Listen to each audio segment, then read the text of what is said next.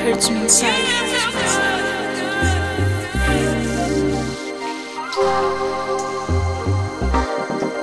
right out of my heart.